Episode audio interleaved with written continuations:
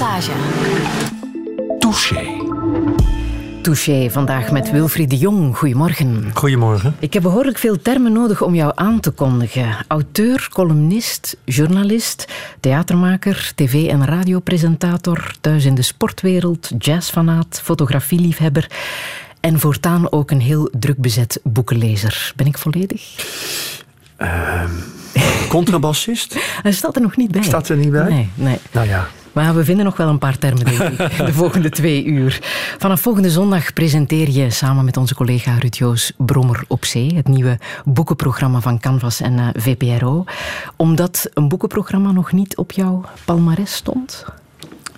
Nou, dat, dat niet per se. Dingen komen heel vaak bij mij gewoon om- ja, eh, eh, op, op mijn weg. Is niet dat ik erop uit ben. Dat ik, als een, dat ik het in mijn vizier wil hebben en dan eh, wil schieten.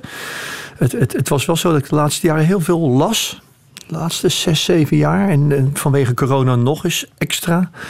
En toen...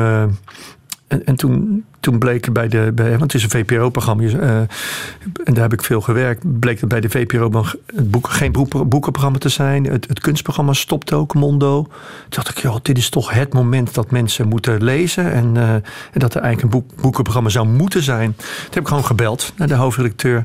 Hij zegt, "Mm, ik ken iemand, eh Rut Joost, met wie ik al jarenlang over boeken praat. Die ik al een tijd ken. Waarvan ik denk dat wij samen gelijk gestemd zijn. Ook als het om interviewen gaat. Dus moeten we niet eens praten? En dan zeggen ze me, en the rest is history. Maar het programma moet nog beginnen. Ja, toch een beetje zenuwachtig? Ja, ik ben altijd wel eh, gespannen voor. eh, en vooral ook onzeker over alle werk dat ik maak. Dat ik gewoon denk dat het niet goed genoeg is, dat het eh, niet klopt. Maar dat, dat scherpt de geest, waardoor, het, waardoor iets altijd wel weer beter wordt. Die, die, die onzekerheid en, die, en dat denken daarover. Ja, volgende zondag eerste aflevering. hè. Oh, Hoe nou, zou dan, jij- eh, hou ik, dan hou ik die vrij. Hoe zou jij jezelf omschrijven? Ja, het is ingewikkeld eh, om, om eh, zo over jezelf iets te moeten zeggen. Maar ik, ik, ja, ik, ik ben wel een, een, volgens mij een licht zoekende man. Niet, niet al te stringent in hoe het leven moet zijn. Vrij, as, associatief. Eh, ik leef graag ehm, met mensen, maar ook wel heel graag in mijn eigen hoofd, met fantasie. Een zoekende man, zeg je. Ja, ja, zoekende man.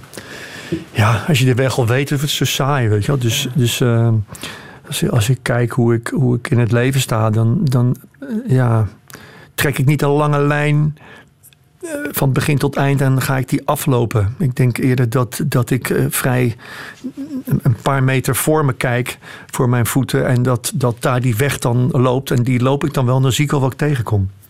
Heeft het ook te maken met durven risico's lopen?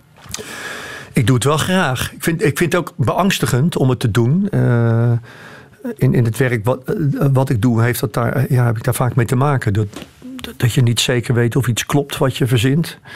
Eh, maar die spanning bevalt me wel, ja. Mhm. Een man ook die houdt van pakken en schoenen. Ja, Ook vandaag. ja een, een, een, een, een, een, een, eh, zoekende man moet er wel goed uitzien. Ja, wat is de meerwaarde van een, een goed pak en goed zittende schoenen?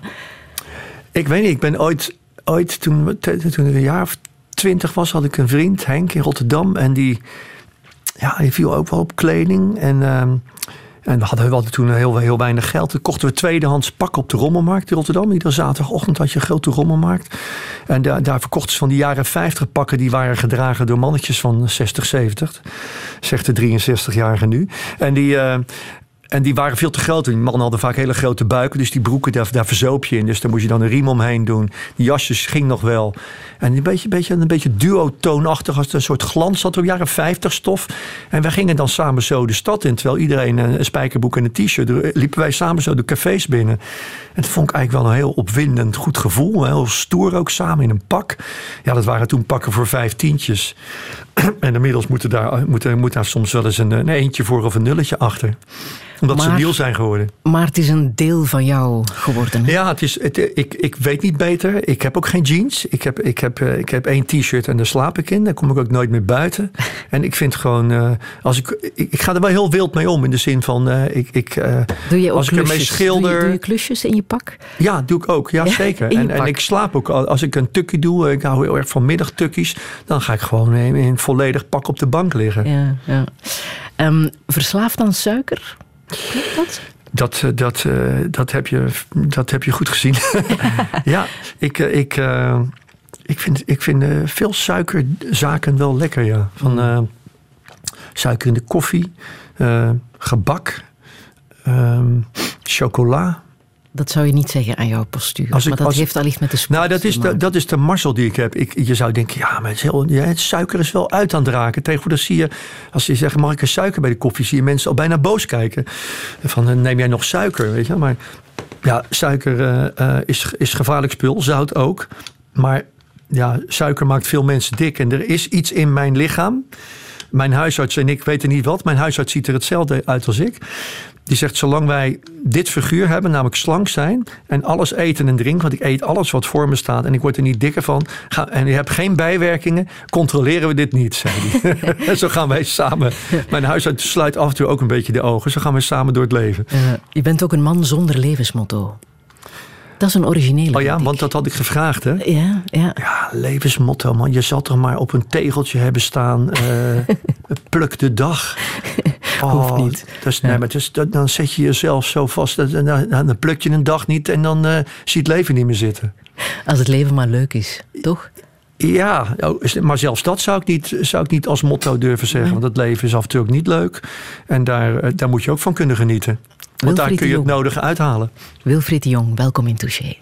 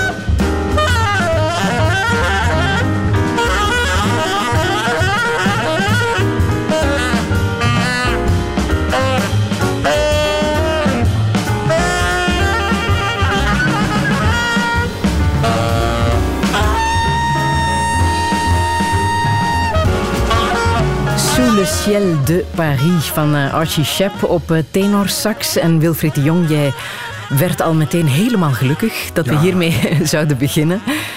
Wat, wat betekent het voor jou? Ja, heel veel eigenlijk. Van, uh, ik, ik, ik, een van mijn grootste vrienden is de saxofoon, zou ik maar zeggen. Daar leef ik echt dagelijks mee. elke dag wel plaat opstaan op, op Spotify, saxofoons. En Archie Shepp uh, is, is een uh, Amerikaanse saxofonist. Leeft nog altijd. Is inmiddels een tachtiger. Hele wilde saxofonist geweest. Zwarte muzikant die, die zeg maar ook zijn, echt zijn, vuist, zijn zwarte vuist opstak in de jaren zestig al. Via, via zijn muziek en ook via allerlei uitlatingen. En uh, ja, dit, dit, dit, nummer doet me aan een paar dingen denken. Ik, ik, ik herinner me een ik herinner me dat ik een keer een, een, een feest had in Rotterdam op Zuid. Uh, Loes Luca was jarig en was een feest. En ik was er met de auto heen gereden. Um, en s'nachts moest er een club mensen moest terug. Ik weet dat Pierre Bokma, de acteur, erbij was. Die zei, ja, we moeten allemaal terug. De andere kant stad, de brug over. Ik zei, nou, ik eh, kom maar met de auto. Dus ik had een oude Mercedes met, uh, met cd-speler erin. En toen, uh, zette ik dit op. En het was, het was mooi weer. De ramen stonden open. En, en volgens mij was iedereen Lazarus. Behalve ik als chauffeur. Want het is altijd heel handig. Als je rijdt, dan weet je gewoon uitkijken. Dus ik was nuchter. Maar de rest achter mij lag achter op de achterbank. Die ramen stonden open. Dus het haar, het haar van iedereen wapperde alle kanten. We hebben keihard deze plaat opgezet. En Sous le Ciel de Paris is eigenlijk... Ja, van wie is het ook alweer? Dus, ja, dat is eigenlijk een, walsje. Een heel bekend, een heel bekend nummer, ja. Parijs walsje, zal ik maar zeggen. Maar door Archie Shepp geblazen raken in een soort woestenij van het uitschreeuwen van een melodie. Dus iedereen begon daar mee te blaren achter op die auto. dus het was echt zijn momenten van volstrekt geluk. Dat een aantal, aantal vrienden achter in een auto zitten die meeschreeuwen met best wel wilde saxofoonmuziek. Wist je trouwens dat hij ook literatuurwetenschapper is? Ja. Ja, ja, hij geeft ook les. Hij is professor en zo. En uh, is een hele intelligente man. Ik, uh, ik heb hem één keer, één keer ontmoet. Uh, ik heb hem veel gezien, maar één keer ontmoet moest toen uh, speelde hij in Orléans en een week daarna zou hij Rotterdam spelen. Toen zei de krant Vrije Volk waarvoor ik werkte, ga mij interviewen. En dan ga je dus je held interviewen. Doe dat nooit. Uh, het grootste advies aan iedereen die journalistiek bedrijft. Maar ik ging naar hem toe en... Smiddags zat hij aan zijn hotel, mocht ik hem interviewen, maar toen was ik toch niet welkom. Ik had de indruk dat de vrouw op bezoek was in die namiddag. En toen na het concert, eh, uiteindelijk uh, mocht ik dan wel backstage komen. Toen stond ik met mijn hand klaar om uit te steken. En toen kwam hij kwam die langslopen en toen negeerde hij me gewoon, liet hij me gewoon voorbij. En na drie minuten interview had ik volstrekte ruzie met hem. Hij, uh, ja, begreep mijn vragen niet. En hij rapte toen. Hij was, aan, hij was aan het rappen geslagen. Ik vroeg waarom hij dat deed. What do you think? I'm a nigger on a slave ship singing Bobby Booby Ba. Ik stond er met een rode kop in. Wat gebeurt mij hier? En uh, ja, ik, het was heel agressief. Uh, en toen, maar na een kwartier pakte hij op, opeens mijn hand en begon hij daarover te wrijven. What's your name, brother? En op een gegeven moment begon hij te aaien en toen was hij zo zachtaardig als wat. Dus het was een soort schizofreen interview eigenlijk. Welke ervaring had Jos de Pauw toen hij... Uh... Jos de Pauw die, uh, die heeft Crazy Love gemaakt, die speelfilm. En uh, daar speelde hij saxofonist in. En toen wilde hij... ik, ik, volgens mij heeft hij wat lessen gehad van, van Archie Shepp toen. Ongelooflijk natuurlijk. En Josse die houdt ook wel van jazz. Dus die weet donders goed wie die Shep. Die was best zenuwachtig. Maar op een gegeven moment... Ik denk dat hij, zich wel, dat, hij dat wel geperfectioneerd heeft toen. Die film vond ik heel goed. Volgens mij uh, naar aanleiding van een boek van uh, Bukowski of zo. En toen heeft uh, Archie Shep, die, die zag dat of die hoorde die. En hij was natuurlijk heel zenuwachtig wat Shep ervan vond. En toen had Shep zoiets gezegd van ja, als, als die fucking Robert De Niro sax kan naspelen. Want die zat in de film New York, New York, New York, waarin die sax speelde. Robert De Niro, als fucking De Niro kan, kan jij het ook, weet je wel. Die was heel complimenteus geweest over Josse de Pauw. Jos de Pauw is een van de eerste gasten in Brommer op Zee. Het uh, boekenprogramma dat volgende week uh, van start gaat. Um, Brommer op Zee is dan weer de titel van een verhaal van uh, J.M.A. Biesheuvel. Een verhaal dat jij hebt gelezen, vermoed ik. Ja, in mijn jeugd al. Ja. ja. Waarom is dat de titel geworden? Ja, je moet er ook niet, niet te veel van maken, zou ik maar zeggen. Het is een mooie titel. hij spreekt tot de verbeelding. Het is, het is een, een knipoog en een klein eerbetoon aan Biesheuvel. Die, die, die vorige zomer is gestorven, hè? Precies. Ehm, en wij wilden eigenlijk graag een titel die, die een, een, een, titel die, die uit een boek kwam. Een zin of, of een titel van een boek. En op een gegeven moment komen er dan duizenden zinnetjes voorbij. Soms, soms werden ze een halve pagina's lang, maar dat spreekt ook zo lastig uit. Mhm. Ehm, en toen kwam iemand bij de VPRO, eh, Katja de Bruin, die heel veel voor boeken heeft betekend en literatuur heeft betekend bij de VPRO. Die kwam met tien titel aanzeilen. En toen, ja, voor mij was het oké. Ik had er zelfs een scriptie over gemaakt toen ik 16, 17 was op de mhm. middelbare school.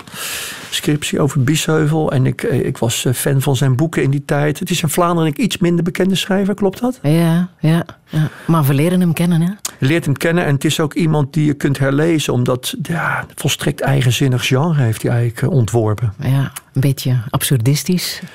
Ja, dat verhaal over Brommer op Zee gaat over, een, uh, over iemand die op dek staat uh, op schip s'avonds. En die ziet in de verte iets aankomen. Denk, ziet een stipje licht en komt dichterbij. En dat blijkt iemand te zijn die zichzelf heeft aangeleerd om met een brommer over zee te gaan. En ja, dat, ik ben wel geneigd om te geloven dat het kan als je zo'n verhaal leest. Dat die, die man vertelt van ja, ik ben begonnen met een speld op, een, uh, op, op, water te leggen. En als je dat steeds maar heel voorzichtig doet, dan blijft op een gegeven moment die speld liggen. En dat is iets wat mensen zich nog wel voor kunnen stellen. Een papiertje wat je op, uh, op je koffie legt. Uh, een, een, een, een, lepeltje op je schuimkraag cappuccino. Blijft dat lepeltje liggen. Ik denk, hé, hey, wonderlijk, het blijft liggen. Nou, een speld kan op water blijven liggen. Ja, kom op, waarom dan geen brommer op zee?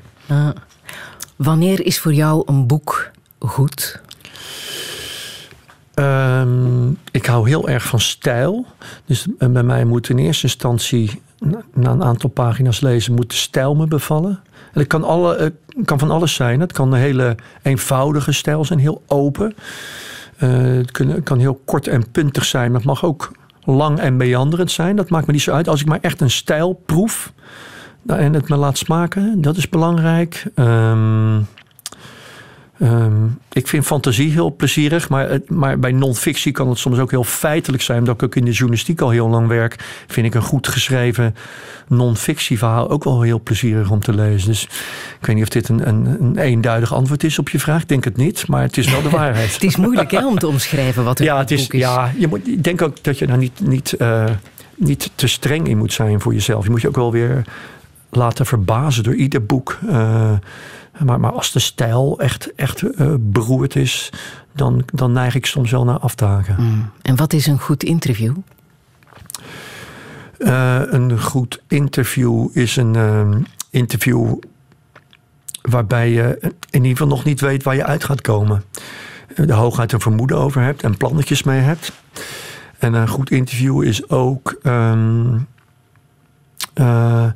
hoe kort of hoe lang het ook duurt, dat je, dat je eigenlijk erin slaagt om zelf of samen met je redactie misschien wel tot één belangrijke vraag te komen die boven dat interview hangt, of één woord.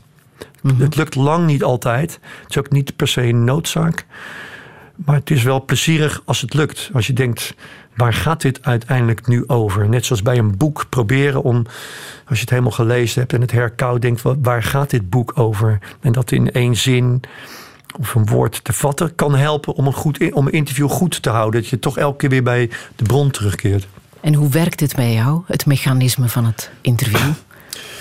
Nou, dit, dit, dit klonk behoorlijk coherent wat ik net zei. Maar binnen in mijn hoofd uh, knarst en piept het aan alle kanten uh, als ik interview. En, uh, en zijn er, ja, is het een soort. Ik, ik, ik heb niet veel horloges opengemaakt in mijn leven. Maar als je een klok of een horloge openmaakt, denk je Welke idioot heeft dit in godsnaam verzonnen? Al deze radertjes die tegengesteld draaien, die twee keer zo snel draaien. Eentje zet de ander in gang, de een houdt de ander weer een beetje tegen. Dan zit er vast nog een clipje hier of een clipje daar. Dat, ik denk wel dat, dat, dat hersenen dat hersenen zo werken, überhaupt zo werken. En dat ze bij, bij interviews allemaal, dat al die, dat hele radarwerk draait. En dat je eigenlijk met al die radertjes toch ook bezig bent. Maar dat je dus het overzicht moet hebben. Dat ze, ze mogen alle kanten op draaien, maar, maar je moet er eigenlijk boven kunnen hangen en een soort gerustgesteld zijn. Als het zoomt en kraakt en draait, dat het uiteindelijk wel goed komt. Omdat je dat ene idee er misschien over hebt. En ik geloof ook wel heel erg in de associatie. Jij bent wel de gids als interviewer. Jij beslist, we gaan links of we gaan rechts. Ehm, of niet? Nou, ik, eh, uiteindelijk, gaat, uiteindelijk draait het altijd om de gast. En het draait niet om de interviewer. Maar het kan geen kwaad dat de interviewer zorgt dat de gast glorieert. En daar heeft de gast ons een, uh, een opkontje voor nodig. Of een duwtje. Of een eye over de bol. Die heeft van alles nodig eigenlijk om, om, om, om dat hele pad eh, van het interview af te lopen. Soms merk je wel eens bij interviews, en ik doe dat zelf nu al, als ik mezelf hoor praten, dat ja, uiteindelijk klim je samen in een boom en die heeft heel veel takken. En als je een zijtak hebt, en, en, en, ik denk zelf als, nu als gast van... God, dit is interessant, ik ga een uur doorpraten over, over saxofoon. En jij interviewt mij, denk je, ja Wilfried, het is leuk met die sax... maar ik wil ook nog even wat andere dingen weten. En dan is het aan jou om uh, die tak, uh, om het terug te roepen van die tak... of om rukzichtloos door te zagen met, met was, was dat trouwens ook zo bij Willem-Alexander... die je hebt geïnterviewd voor zijn Slagen doorgezaagd. 50ste verjaardag. Niks meer van over. Heb je daar de vragen kunnen stellen die je echt wou stellen? Ehm, nou, voor een deel eigenlijk niet. Uh, maar dat had te maken met het plan. Uh, ik, werd ik werd gevraagd door, uh, door de NOS en door RTL. Het werd gelijk uitgezonden. Ehm, of ik hem wilde interviewen. Ik zei, nou, daar ga ik eens over nadenken. Zoals ik dat bij alle interviews zou doen. Of ik het wil of niet. En na een week dacht ik, nou. En, en, en hij zei, nou, denk erover na. zei, zei de, de directeur van de NOS toen. Hij zegt, één ding vinden, vinden wij heel belangrijk. Wat eruit moet komen, is dat hij ontspannen raakt voor de, uh, voor, de, voor de camera's. Want hij heeft de neiging om, als, zodra de camera aan is, om een ander mens te zijn dan dat als de camera uit is. Toen heb ik in die week tijd alle dingen teruggekeken van hem. Die opgenomen waren, samen met Maxima en zonder Maxima. En speeches en noem op. En dat klopte wel wat zij zagen. Het was wel heel gespannen. Toen dacht ik, nou, en, en, en, en uitgangspunt was dat het uh, niet over zijn werk zou gaan, maar om hij werd 50, dus het moest over privé gaan, over zijn privéleven. Hij wilde, hij, hij zegt, ik word 50, ik wil omkijken van hoe is mijn leven geweest en niet zozeer zijn werkleven. En het is natuurlijk ook zo dat omdat hij ministeriële verantwoordelijkheid heeft, dat hij ook over werk niet mag praten. En je ziet dat journalisten dat ook heel veel gedaan hebben en terecht. Als, als het zo'n interview betreft, moet je ook gewoon vragen naar uh, hoe dat zit met dat huis wat hij in het buitenland heeft. Hoe het zit met al die gelden die die kanten met zijn, zijn dochter. In dit geval nu alle dingen die spelen. Uh, uh, en, en, politieke zaken wellicht ook. Maar ja, daar kon kon hij dan heel vaak geen antwoord op geven. En nu had ik het voordeel dat het echt over zijn, over zijn leven kon gaan. Ehm, dus dat het ook persoonlijk moest worden. En dat wilde hij zelf ook heel graag. En als je dan kijkt wat voor onderwerpen je uitkiest: familie, de dood van zijn broer, na dat ski-ongeluk, uh, jeugd, uh, liefde, lichaam en geest. Heb je best wel eh, veel mooie thema's die je met de koning kunt bespreken. En hebben we met de redactie samen archief bijgezocht. Dat weer aan de koning doorgespeeld. En die, ja, die kon daar wel mee leven. Dat was eigenlijk best wel vrij. Dus ik heb eigenlijk... Uh, dat hele interview is in één keer bij hun thuis, bij hem thuis, in, in ongeveer ik denk dat we iets van 80, 85 minuten in één keer hebben opgenomen. Zonder een stop erin. En hij in de bibliotheek ook, hè? In de bibliotheek. De juiste afslag genomen. Naar rechts. Ja.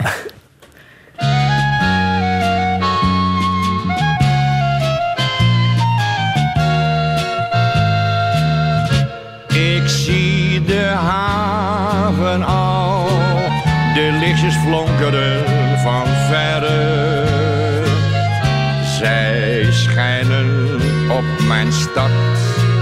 Mijn eigen Rotterdam. Ik zie de haven al, de lichtjes flonkeren als sterren. Zij schijnen op de stad waar ik ter wereld kwam. vele nachten op de wijde oceaan. Zag ik in gedachten al die lichtjes branden gaan. Ik zie de haven al, de lichtjes flonkeren van verre. Zij schijnen op mijn stad mijn eigen Rotterdam. Het was een lange reis, acht maanden lang van huis. Nog even varen en dan ben ik bij moeder thuis. En ben ik daar met haar alleen. Dan klinkt die melodie weer zachtjes door mij heen. Ik zie de haven al, de lichtjes flonkeren van verre. Zij schijnen op mijn stad, mijn eigen Rotterdam. Ik zie de haven al, de lichtjes flonkeren als sterren. Zij schijnen op de stad waar ik ter wereld kwam. Vele nachten op de wijde oceaan. Zag in gedachten al die lichtjes branden gaan. Wij hebben de lichtjes van de Schelde van Bobbejaan Schoppen. Jullie hebben Jaap Valkhof en ik zie de haven al. Wilfried de Jong, ja, jij bent natuurlijk een uh, geboren en getogen Rotterdammer. Daar heeft het allicht wat mee te maken. Ja, ja, ik, ik, ik, ik, als mensen zeggen, ja, jij bent een, jij bent een ras-echte Rotterdammer, merk ik altijd dat ik, dat ik, dat ik, dat ik me wil verontschuldigen. Nou, verontschuldigen is niet het. Ik zeg, nou ja, dat ben ik ook wel. Ik ben ook geboren in Rotterdam. Maar dat ras-echte Rotterdam heeft vaak te maken met, met, met uh, het ouderwetse gevoel over Rotterdam. Uh, wat, wat dit lied ook wel in zich heeft eigenlijk. de haven en de oude Rotterdam was zo mooi, vlak voor het bombardement en zo. Ik merk altijd iets van verzet bij mezelf. Uh, van ja, wacht even, we leven in het hier en nu. En Rotterdam is, is een hele andere stad geworden. Maar dit, dit, lied, dit lied is ook wel een soort van thuiskomen. Mm -hmm. En ik, uh, ik denk wel dat veel Rotterdammers van mijn leeftijd wel het gevoel kennen dat... dat dat de haven en de, en de Maas is al vanzelfsprekend, hoort dat bij Rotterdam. Maar, de, maar je bent er ook soms wel ver vandaan. Omdat uh, uh, er zijn weinig woningen aan de Maas door het bombardement. Het is al wel delen weer wel hoor, Noordereiland of wat dan ook. Maar toch ook hele stukken niet. Nou, daar loopt gewoon een snelle weg. Dus je, je bent niet zomaar aan de Maas. En de haven is inmiddels de echte haven, moet ik zeggen, is inmiddels uh, 40, 50 kilometer buiten de stad. Hè? Die, die, die ligt helemaal niet meer in Rotterdam. Mm -hmm. kon, ik ben eens, nog niet zo lang geleden bij de containerterminal geweest. Die ligt zo'n beetje, ja, die ligt 40 kilometer verderop. Dus, dus uh, dit, dit, dit, dit is de weemoed van, van iemand die echt letterlijk in het centrum van de haven. Moeders die wachten aan de kade en dan komt de zoon weer thuis en dan wordt hij omhelst. En dan drink je een jenevertje en dan ga je weer acht maanden weg. Maar het is wel op een of andere manier, is het, de, de eenvoud van dit nummer vind ik wel heel, vind ik wel heel mooi. Ja. Welke herinnering overheerst bij jou als jij terugdenkt aan jouw vroege jaren in, in Rotterdam als kleine jongen, de kleine Wilfried? Nou, wel, wel een beetje wat ik nu schets. Wij, wij, ik ben geboren in de 110 morgen. Dat is een hele gekke naam eigenlijk voor een, uh, voor een wijk. Dus zo'n zo snel opgebouwde wijk na de oorlog. Van die drie hoogfletjes. Snel bouwen. Snel weer mensen in naar huis konden. Dus uh, ik ben van 57, dus echt zo'n jaren 50 periode. En uh, mijn, mijn ouders komen eigenlijk, uh, zijn eigenlijk van boeren komaf. Die komen uit Zoeterwoude, Hazeswoude. Het zijn van grote boerenfamilies en die zijn in Rotterdam gaan wonen. Mijn vader is daar een, een diepvriesgroothandel begonnen aan de Koolhaven in Rotterdam. En, en toen ik oud genoeg was en mijn vader een auto kon bekostigen, weet ik nog wel dat ik als jongetje naast hem, zonder gordel ongetwijfeld, uh, gewoon in de auto kon zitten. En dat we, dat we de, de stad doorreden, die nog echt werd opgebouwd. Reed door de stad heen naar de koolhaven toe. Dus ik, voor mij is, is mijn jeugd is van de, de rand van de stad naar het centrum van de stad rijden. En, en het met, met de, de voorruit van mijn van mijn vader. Van, uh, op een gegeven moment was het, uh, was het uh, hij, hij, was gek op BMW's, dus altijd nieuwe BMW's gekocht. Dus de voorruit van de BMW was eigenlijk mijn camerabeeld, was eigenlijk mijn cinemascoopbreedte. En daarmee zag ik de stad. En, en daarmee kwam ik altijd bij de koolhaven aan. En, en zo leerde ik de stad eigenlijk kennen. Want ik kon er zelf nog niet heen, want ik woonde aan de rand. En mijn leven speelde zich ook aan de rand van de stad. Dus ik ben eigenlijk steeds meer ook, als je naar mijn leven kijkt, steeds meer dichter bij het, het, de stad gaan wonen, in het centrum gaan wonen. En wat wou je worden later als je groot zou zijn? Ehm, ik, had een, uh, ik had een oom, die, was, uh, die werkte bij, uh, bij Fokker. Hè, die maakte vliegtuigen.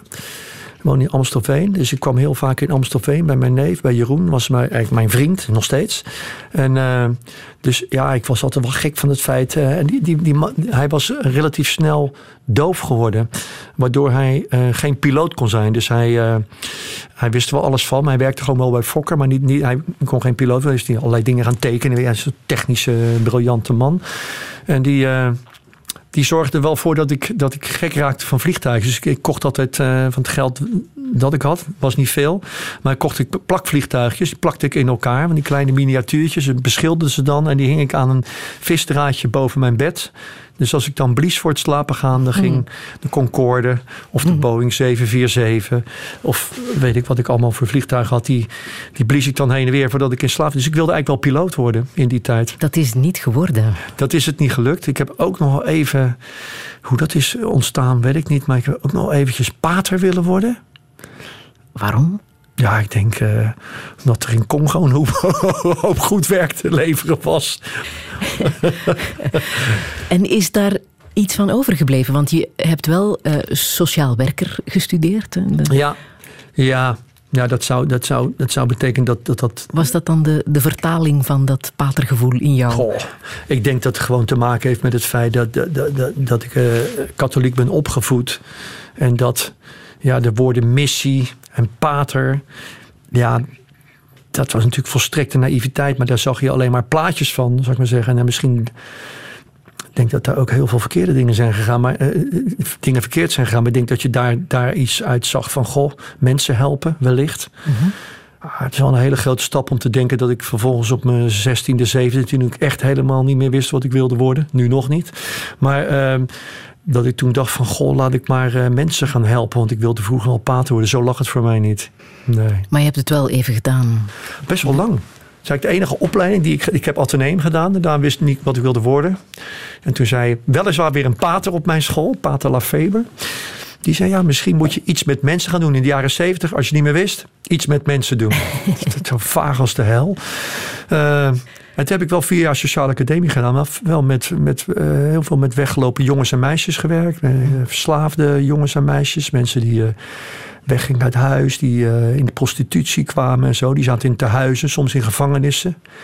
En ik vond het fantastisch, die kinderen. Ik vond het geweldig. Hoe meer ze hadden uitgevreten. Er was een jongetje, Kees heette die. Voor 30.000 gulden in die tijd aan leren jeks gestolen. Ah, dat vond ik een wereldfiguur. Die zat in de gevangenis en moest ik naar de jeugdgevangenis. En dan kwam die aan. Het eerste was hij vroeg: Hey Wil, heb je check? dat helemaal, ja, hulpverlening had alles te maken met of je een baaltje check meenam, zodat hij kon roken. En toen dacht ik: Ah oh ja, wacht even. Ik kan wel hulp verlenen, maar je moet gewoon. Ik kom weer op interview terug. Je moet toch altijd beginnen op de treden waarop, de, waarop degene die je interviewt staat. En niet erboven gaan staan of wat dan ook. Dus ik, ik kom wel heel goed met die jongeren overweg. En je moet gewoon eh, met ze aan de fiets gaan sleutelen of met ze gaan voetballen of weet ik wat. Maar vervolgens, eh, uiteindelijk stond ik ook bij kinderrechters met rapporten in mijn hand die ik zelf geschreven had over wat er dan met die jongeren moest gebeuren. Ik dacht, dit is niks voor mij. Dit strookt helemaal niet met zoals ik denk dat er geleefd moet worden. En toen ben ik daar op een gegeven moment mee gestopt. Quiet nights of quiet stars, quiet chords from my guitar, floating on the silence that surrounds us. Quiet thoughts and quiet dreams, quiet walks by quiet streams, and a window that looks out on Corcovado. Oh, how lovely!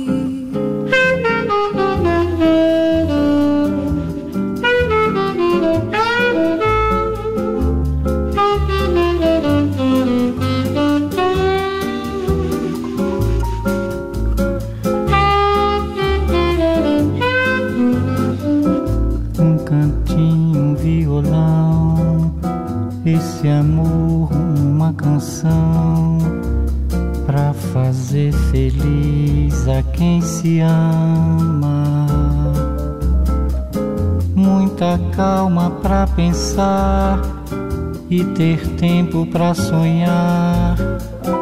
Da janela ver seu corcovado, o redentor que lindo. Quero a vida sempre assim, com você perto de mim, até o apagar da velha chama.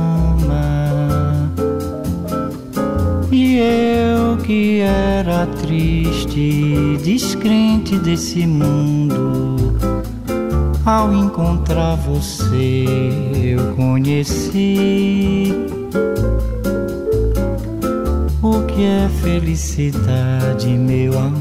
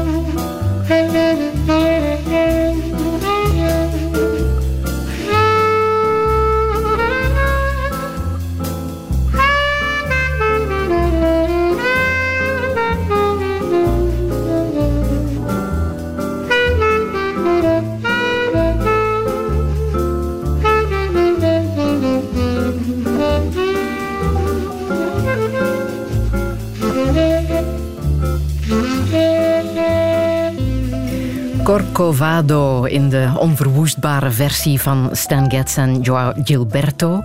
Wilfried de Jong, waaraan doet dit jou denken? Nou, het, het, het, uh, het kwam, het, de, de, muziek kwam weer terug omdat mijn, uh, mijn dochter heeft een vriendje, speelt gitaar. Mijn dochter is 18, Gina. En, en zij speelt zelf ook nu elektrisch gitaar. Dus het is een, ze, en ze woont nog thuis. En, en zij zijn samen heel gek, die jeugd van tegenwoordig. Die zit best wel in, in oude muziek soms. In de 60s van de, van de pop en zo. Maar zij, zij, uh, zij zitten ook in, in dit soort muziek. In bossa nova's en samba's en zo. Toen hoorde ik dit nummer. En dat deed mij dan weer denken aan de tijd dat ik... Uh, ik was 17, 17 ja. Middelbare school, ateneum gedaan. En toen wist ik niet wat ik wilde worden. En toen uh, dacht ik, nou, maar een jaartje... Wat, dat heette toen nog in tussenjaar. Maar ik dacht, goh, ga maar wat werken en noem maar op. En... Toen ben ik gaan werken en toen, toen werd ik getipt van... joh, je kan ook even wat in het buitenland gaan doen, zei ze op de middelbare school. Je kan druiven gaan plukken in Frankrijk of je kan naar een kibbutz in, in Israël. Dacht ik, dat is veel verder weg, laat ik dat maar doen. Dus ik heb toen drieënhalve maand in een kibbutz gewoond en gewerkt. En... Uh, ging met een groep Nederlanders heen. Maar uiteindelijk wapperde iedereen uit over die kibbutz. En ik woonde in, in, in een, zat in een barak met een Fransman.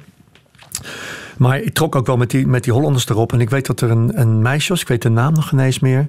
En ik was zo groen als gras. En ik had cassettebandjes met allemaal jazz erop. Uh, hele wilde dingen. Uh, waaronder Archie Shep en zo. Maar, maar, maar ook wel een beetje softe zooi. En daar hoorde dit ook bij. En dat meisje die ik heel leuk vond, die zei op een gegeven moment: Mijn, uh, mijn compaan die is een weekje op vakantie in, uh, in Israël. Dus kom anders bij mij vanavond even wat drinken. Dus toen ben ik naar haar barak gegaan. En zij had een eenpersoonsbed waar zij op lag. En ik lag op het bed van die, van die vriendin van haar, die er niet was. En toen heb ik die cassette opgezet. En toen dacht ik, ja, het kan niet anders of er, er gaat nu echt iets gebeuren. Bij Bossa Nova's. Ja? Eén, een paar kaarsjes aan en dat meisje aan de andere kant van het bed. Dat, dat moet er gebeuren. Maar ik, ik geloof dat ik dat, dat ik dat cassettebandje 17 keer heb omgedraaid. En alleen naar huis ben gegaan. Met het cassettebandje, niet met het meisje. Is, uh, toen je dan thuis kwam na die periode in de kibbutz, was het dan duidelijk wat je wou in het leven? Uh, nee. Nee. Het heeft niet geholpen. Het, heeft, het, het, het hielp niet. Het verbreedde natuurlijk wel de blik op de wereld. Uh, ik zag al wat er met Palestijnen gebeurde in die tijd al. Ik, ik werkte in een, uh, in een boomgaard. Waar, ik denk, wat hoor ik toch steeds om daar zoveel tijd? En zei Abraham, oude kerel, die was, zal wel 50 geweest zijn. die, uh, die de baas was van mij, die zei: Dat is het afweergeschut wat je af en toe hoort op, uh, op Libanon. Dacht, jezus, wat ik zit hier gewoon in de naweeën van de oorlog, zeg maar. Maar toen was ik weer in Nederland en toen, toen wist ik het niet. En toen heb ik nog ingeschreven voor Frans. Uh, toen moest ik in militaire dienst. Dat was zo, dat, ik moest in militaire dienst, ja. Maar daar ben ik met S5 uitgekomen. Daar ben ik met hongerstaking uitgekomen. Ah ja? Met een stille hongerstaking. Ik ben daar gewoon heen gegaan. Toen heb ik uh, aan alles meegedaan. Had ik van iemand gehoord. Die zei, je moet gewoon alles meedoen. Dan kunnen ze je niks maken. En, uh, en ik, ik ging ook zelfs naar de eetzaal. Daar liet ik het eten ook opscheppen. Alleen ik at het niet op. En ik dronk, moest wel heel veel drinken, zei hij. Want dat was anders slecht voor je nier of zo. Dat is het gevaarlijkste. En dan zei hij na een dag of zes, zeven, dan val je vanzelf een keer flauw. En ze willen geen mensen die flauw vallen, want zij zijn verantwoordelijk. En dan, word je, dan ga je gewoon uit dienst. Maar op dag uh, acht uh, merkte ik nog steeds. Ik heb zelfs nog zo'n Cooper-test gelopen. Dan moet je volgens mij twaalf rondjes rond het veld lopen. En toen werd ik derde. Ik dacht, zat er wel flauw van. Maar toen werd ik gewoon derde. En toen boog, ja, op een gegeven moment... Op een gegeven moment heb ik toen een... ten einde raad, denk ik wel hoor. Met heb ik een. Uh, S'nachts. Toen dacht ik, ja, ik, er moet nu iets gebeuren. Anders, anders, hoe eindigt dit anders? Toen ik werd, uh, ik werd, werd, heel prikkelbaar en huilerig. Want als iemand iets boos tegen me zei, begon ik te huilen. Dat weet ik nog wel, in, in die kazerne. Toen heb ik een, uh, een scheermesje genomen. Van die ouderwetse scheermesjes. Heb ik, heb ik met mijn hoofd één keer heel hard tegen de muur geslagen s'nachts. Dat er een bult ontstond, zo boven mijn wenkbrauw. Heb ik een puntje van het scheermesje zo in die bult gezet. Waardoor het begon, lichtjes begon te bloeden. Toen heb mijn handen en mijn gezicht klam gemaakt. En toen ben ik naar de wachtmeester van de dag gestrompeld. En gezegd, ik ben net flauw gevallen. Was niet zo. En toen gingen alle alarmbellen af. En toen, uh, en toen kwam ik bij een, een psycholoog. Die, die, had wel. En ik stonk. Oh, ik kwam eerst bij de arts. En die, die zei, die, die was echt woedend. Die zei: Godverdomme, die gozer stinkt helemaal naar de aceton. Want als je niet eet, dan ga je op een gegeven moment je eigen vet verbranden. Uh -huh. En ik was al niet stevig. Dus ik woog geloof ik nog 56 kilo. En toen uh, dachten ze, dit, moet, dit moeten we niet te lang in huis houden. En toen ben ik naar huis gestuurd. En een paar dagen later werd ik uh, door een psychiater afgekeurd. Afgekeurd, maar een paar jaar later stond je ook wel op het podium met Waardenberg en de Jong. Heel geloofwaardig. Want dat waren heel fysieke voorstellingen. Ja, dat is al tien jaar verder, hè, moet ik zeggen. Want dat, dat was, ik ben pas op mijn Je kan 28 recupereren op, op tien, tien jaar. ja, nee, ik sla een hoop. Ik sla dat hele welsenswerk even over. Toen ben ik ja. inderdaad in het theater terechtgekomen, ja. ja. Dat was denk ik toch wel een gouden deur die je hebt ook opengetrokken. Hè? Die ontmoeting met Martin van Waardenberg en die theatervoorstelling. Nou, dingen gingen in die tijd, zo tussen 20 en 30, gingen heel veel dingen naast elkaar lopen. Want, En ik zat vanaf mijn 1, 22 zat ik in de journalistiek. Ik deed nog een beetje aan het welzijnswerk. En zo, ik ging contrabas spelen. Ik zat in bandjes. En toen kwam ik via die contrabas en uit, toch ook het welzijnswerk waar een jeugdkamp was, kwam ik Martin van Waardenberg tegen. En die zei, moeten wij niet samen theater maken? Hij maakte het al. En toen heb ik die contrabas meegenomen eind. Hè. Toen was ik naar 8, 29 en zijn we eerste voorstelling gaan maken. Twaalf jaar lang heb je met hem theater gemaakt. Altijd volle zalen, lovende kritieken. Kan jij zelf zeggen wat het grote succes was van die voorstellingen? Die twee mannen op dat theater. Ja, ik, ik denk um, dat wij ons in die tijd af wilden ja, dat, het klinkt alsof je alleen maar afzet. We wilden gewoon, we wilden zelf heel beeldend theater maken. Uh, ook muzikaal zijn. Um, we merkten dat we dezelfde, gevoel voor humor hadden. En dat we niet al te veel woorden nodig hadden. Dus het was vaak woordloos. Uh, met, met slapstick soms wel als basis, maar daar wel gewoon de moderne middelen voor gebruiken. Dus niet, niet geen taartensmijterij, maar gewoon hele. Ja, wij reden soms gewoon havengebieden in en dan nou, pakten we dingen van staal die op wielen stonden waarvan we niet wisten wat het was. En dan namen we dan gewoon mee naar een repetitieruimte. En dan gingen we eens kijken wat we, wat we daarmee konden doen. Uh, zo, zo verzonden wij allerlei scènes die zonder woorden waren. En, uh, en we zetten ons daarmee ook wel een beetje af tegen, tegen het tuttige cabaret wat je in Nederland had. Mm -hmm. Gewoon liedje, anekdotetje, liedje, anekdotetje. Bah. ja, vond, ja, ja. Vond het, vond het, ik vond het niet veel. Vond, ik weet, wel dat, ik, ik weet wel dat ik in die tijd me gewoon veel liever liet inspireren door. Uh, ik ging naar, naar uh, Johan Simons voorstellingen samen met, uh, met Martin van Waardenberg. Die speelde toen in, ja, in Noord-Holland in, in van die. Ja, gewoon een platteland. Hè? Gewoon uh, hele rare, absurde voorstelling. Heel modern. En uh, ik raakte in de ban van uh, de Keersmaker bijvoorbeeld. Daar liet ik me echt door inspireren. Door dans. Door moderne dans. Vond ik veel interessanter dan, dan een piano neerzetten en kijken wat uh, Toon Hermans en, en, en, en, en Fons Jansen en al die oude oudgedienden in die tijd allemaal deden. Daar, daar had ik gewoon niet zoveel mee. Sterker nog, we wilden ons daar wel tegen afzetten. We gingen ook, wij, wij beschouwden de, de rand van het podium helemaal niet als een grens tussen twee gebieden. Maar als wij het nodig vonden om dingen in die zaal te doen, gingen gewoon die zaal, liepen gewoon over mensen heen. Ik heb heel vaak ouw gehoord van mensen die gewoon letterlijk met de voeten overheen liepen, omdat wij, omdat wij uh, uh, over het podium heen gingen en de zaal ingingen. Vorig jaar um, zijn jullie gestart met een soort reunietournee die helaas door corona te vroeg is uh, afgebroken. Uh, waarom wilden jullie terug samen het podium op? Was dat de vraag van het publiek ook? Of ja, ik weet, dachten ja, ja, jullie, dat, het is, dat, het is dat is altijd nooit? wel schandelijk als je dat als artiest zegt dat het publiek om je vraagt. Ik denk niet dat Martin en ik types zijn die zitten te schreeuwen om, uh, om applaus. Uh, ik weet wel dat Martin zei van goh, we hadden, we hadden eigenlijk twee jaar daarvoor iets gemaakt met Torres C. Twee die televisie uh, vrouwen die uh, heel grappige televisie hadden gemaakt. Hebben we met z'n vieren een voorstelling gemaakt. Toen zei Martin van, goh, ik hoorde naar aanleiding van die voorstelling heel vaak dat mensen zeiden, ik zou jullie samen nog eens zo graag willen zien. En mijn kinderen kennen jullie alleen maar van YouTube. Dus als veel mensen ons uiteindelijk alleen maar van YouTube kennen, dat was het lang geleden is. En toen hebben we besloten om, uh, om, om, om, om onze acts gewoon aan elkaar te klitten, zeg maar, van zes voorstellingen, anderhalf uur te maken, een soort best-of te maken. En lukte dat nog, fysiek? Ja. nou, het, aanvankelijk niet, want we hadden ook een, ja, hadden ook echt hele fysieke acts waarbij je echt wel kracht moet hebben. Bijvoorbeeld een ringen-act. Eh, zoals, zoals, zoals je bij turnen hebt van die ringen. Ik weet wat bij de eerste repetities dat Martin, 15 kilo zwaarder op dat moment, die ringen beet hield met zijn handen zo omhoog. Ik keek opzij. Ik dacht, waarom klinkt hij niet die ringen? Toen zei hij, Wil. Ik die bleef gewoon maar op die grond. Ik zat inmiddels met pijn en moeite in die ringen. Maar hij stond hij zei, ik krijg mezelf niet meer omhoog. Zei, je hebt nog zes weken, kerel. En is die dertien, heeft hij geloof ik drie weken niet gegeten. Ook een soort hongerstaking. En daarna kon hij het wel. Dus uiteindelijk hebben we het wel gered. Mm.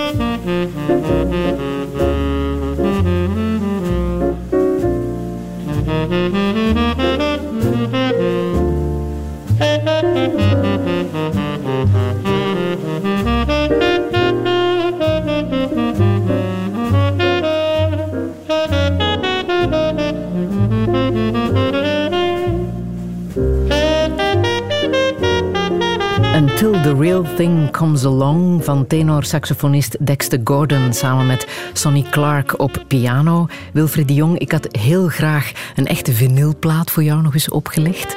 Maar helaas in deze radiostudio kan dat niet meer. Erg, hè? Ja, ik heb... Uh, Hoe oud is onze technicus? het is een, een jonkie. ja, ik heb een keer met een technicus moeten werken. Toen moest, moest ik plaatjes daar, jazzplaatjes daar op vinyl. En die jongen van 21, een technicus. En toen gaf ik hem een plaat. En keek hij naar alsof er een leguaan in zijn handen werd gestopt. En, uh, en toen, toen zei ik, zet kant 2 maar op. Het derde nummer.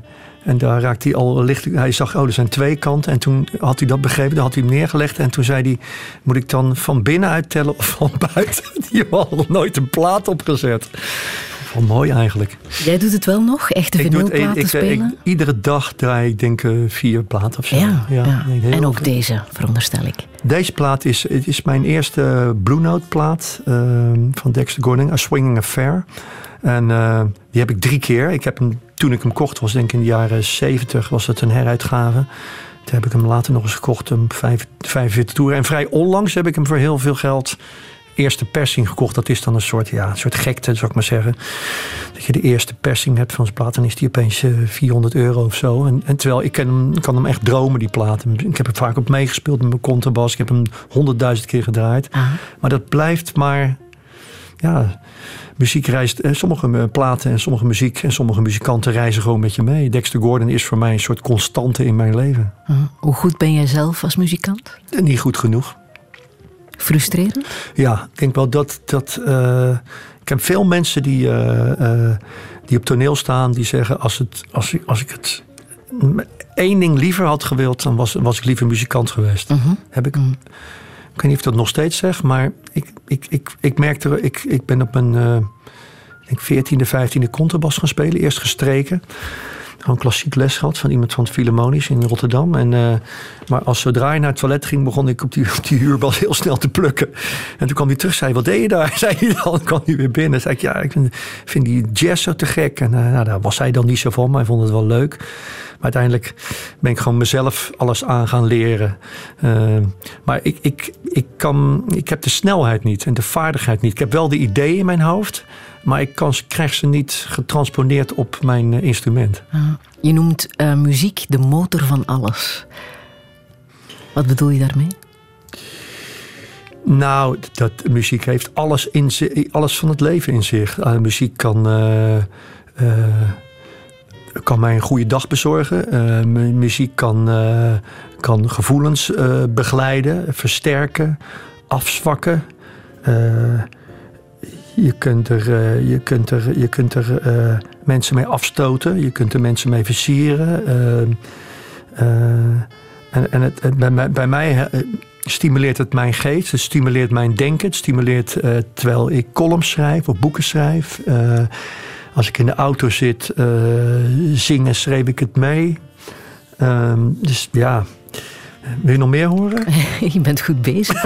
ik geniet van de uitleg. ja, maar het is gewoon heel. Het is, het is voor mij heel. Heel belangrijk. Het is zelfs zo, zo belangrijk. En ik heb het zoveel gedraaid. En ook zo hard. Uh, toen, toen mijn zoon geboren werd, Sonny. Uh, toen uh, woonde, uh, woonde mijn vrouw en ik in, in, een, in een, soort, uh, ja, soort moderne loft, zeg maar, in een, in een nieuwbouwgedeelte van Rotterdam, een kop van Zuid. Het was een vrij grote open ruimte. Dus zij zat vaak tv te kijken en, en, en, en dacht ik, en ik was toen met een boek bezig volgens mij. Dus heel vaak deed ik met mijn koptelefoon, zet ik dan muziek op. en hard, want ik wil, ik wil op een of andere manier wil ik dat het echt tot in de diepste poriën komt. En dat heeft soms met volume te maken.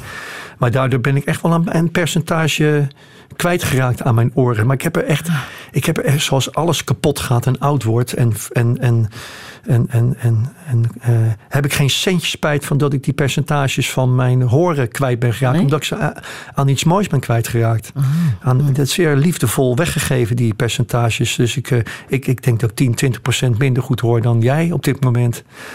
Wauw, dat je dat ervoor over hebt. Oh, maar ik, ik wilde nog wel 10, 20 procent afhalen, eerlijk gezegd, in mijn leven. Misschien wel 40. Wat is kunst voor jou? Poh, wat een grote vraag, hè? Ja. Wat kunst voor mij is. Ja, dat is wel heel abstract, maar ik heb geen hekel aan abstract. Nou, het woord abstractie, abstract komt, komt, schiet me nu uh, uit de mond. En dat is ook niet voor niks. Ik vind, ik vind, uh, ik vind het wel plezierig als kunst uh, zekere vormen van abstractie heeft. Hoeft voor mij niet al te letterlijk te zijn. En ik, Je noemde het ergens belangrijker dan een mening. Ja, het heeft veel meer waarde. Het heeft veel meer diepgang. meningen kan die... dieper snijden met kunst? Ogenschijnlijk niet. ik denk in deze tijd dat als je met een mening komt dat je sneller een voorpagina haalt of, in de, of op de televisie bent met je mening. Ehm, maar je blaast hem ook zo weg, of hij wordt weggeblazen door de tijd. En, en, ehm, en dat, vind ik, dat vind ik het mooie aan kunst. Dat, dat met kunst heeft dat niet. Sonny Rollins is, een oude saxofonist die nog leeft. Ook een van mijn favorieten. Die had laatste interview. Die kan zelf geen sax meer spelen trouwens. Door een soort longemfyseem kan hij dat niet meer. Maar is heel wijs. Hele wijze man. En die, zegt, die zei gewoon... Alles vergaat en alle dingen gaan dood. Ik ga ook dood. Ik zie het allemaal wel gebeuren. Hij zegt maar... There's no dying in art. Ja, dat vond ik zo'n verschitterende uitspraak. Ik dacht, ja, je hebt gelijk. Dat gaat dus, dat gaat dus gewoon over, de, over alles heen. Ja. Kunst kan gewoon heel lang bestaan. Ik heb nog heel even muziek uit een film van uh, Carlos Saura, Spaanse regisseur, die je mij meegaf omdat je helemaal niks van zijn films begrijpt. Ook belangrijk in kunst. Je hoeft het ook niet altijd te begrijpen. Nee, nee. Hm. Gewoon uh, ergens uitlopen en zeggen: waar ging dit nou over? maar wel gefascineerd kijken. Ja, er zijn twee films. Uh, Elisa Vidamia en Crio Cuervos. Die heb ik al een paar keer gezien. Daar begrijp ik echt uh, weinig van. Ja. Maar dat is uh, geruststellend. Ja. Heb je dat ook bij, bij Boys? Ten, uh, Jozef Boys. Ja, je hebt een kunstwerk? werk. Boymans van Beuning is dicht, museum in Rotterdam. En dan heb je Grond, dat is een, een kunstwerk. Daar ging ik regelmatig naartoe. En is een soort staketsels en wat koper. En een, en een speakertje waar wat, wat gekraak uitkomt. Dat ga ik het liefst iedere week even heen. Ja, je hoeft het niet te begrijpen. Gewoon even kijken. Ja.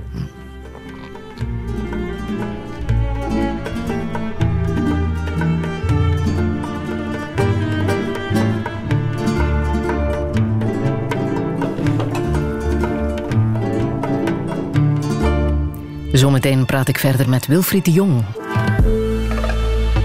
Radio 1. 1. Friedel Massage. Touché. Touché met Wilfried de Jong. Vanaf volgende zondag presenteert hij samen met Ruud Joos het nieuwe boekenprogramma Brommer op Zee. Een specialiteit die hij voortaan mee op zijn cv kan zetten. In de theater, sport, fotografie en jazzwereld voelt hij zich al langer thuis. Nu is eindelijk ook zijn liefde voor boeken aan de beurt.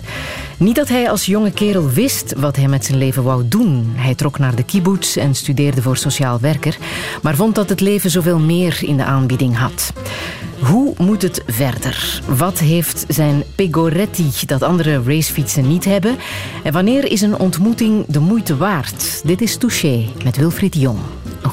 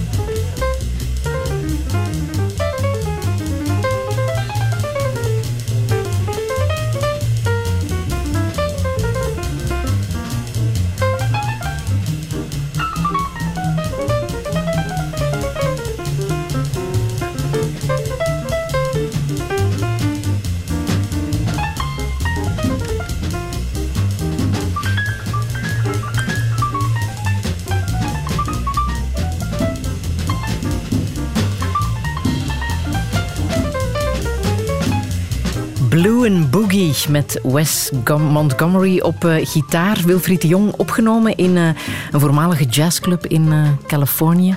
Ben, ben, jij er al geweest? Nee. Nee, niet. Ik, weet niet of het nog bestaat. Het is uit de jaren 50. Jaren mm. 50. En ehm, er moet nog iemand aankomen, hè? die we nog niet hebben gehoord. Ja, dit, dit zijn, dit zijn de, de, band die, die hoort, is eigenlijk de band van Miles Davis. Mhm. maar die bleef die avond in zijn hotel. Die zei, ik heb niet zo'n zin. En die jongens zijn nou, we willen ergens lekker jammen. Dus die zijn naar die Tsubos gegaan met eh, Jimmy Cobb, de drummer die onlangs is overleden. Die Kind of Blue nog meespeelde met Miles Davis. En Miles Davis bleef dus thuis. En, eh, en toen was er een saxonist, Johnny Griffin, een eh, Chicago-tenor. En die voegde zich bij die Wes Montgomery, die gitarist die we net gehoord hebben. Dit is Wynton Kelly op piano. Sorry dat ik zo friekerig klink met al die namen, maar dat is gewoon leuk. Eh, en, en, straks gaat die saxofoon spelen. Ik denk, nou... Ja, nog eventjes. Het. Ja, het is nog 10, 15 seconden. Ja. en dan komt het. een heel kleine tenor die waanzinnig snel kon spelen. En echt echt het vuur in zijn spel eh, legt. Eh, een uh, tikje een wilde man, zal ik maar zeggen. Dat komt hoor. Ja. Hier zo? Dit is hem. Ja. En zo gaan ze nog even door, hè? Ja, nou kijk, dit, en dit doet mij aan, eh, aan eh, Wim Opbroek eh, denken. Ja, jouw goede vriend, Mijn goede theatermaker. Vriend. Ja, ik heb Wim leren kennen via de, via de film Van Toe. Bleek we gelijk gestemd te zijn over van alles, waaronder muziek. En Wim vond van, toen we een voorstelling gemaakt We Free Kings, zei Wim van volgens mij moeten we een paar solo's nemen van muzikanten, zoals deze solo. En moeten we dat gewoon zien als dat dat helemaal. Dit is een improvisatie natuurlijk. Dat dat helemaal uitgeschreven is. Moeten we dat helemaal uit ons hoofd leren zodat we het zelf mee kunnen zingen, sketten. Dat heb ik met deze solo. Als je nu harder zet.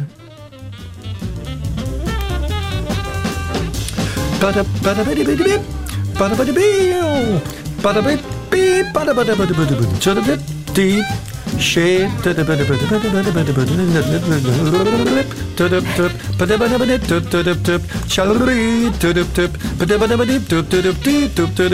Vadabudabip, vadi down there, dum dum dum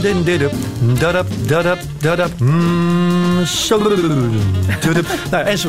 Wow. Dat, dat heb ik toen. Uh, was een idee van Wim. Wim had een ander stuk van een, eh, van een eh, Scandinavische trompetist, René Polio. Dat hebben we samen iedere dag gewoon als studenten, zeg maar, die muziek tot ons genomen. En, en heel secuur al die nootjes uit ons hoofd geleerd.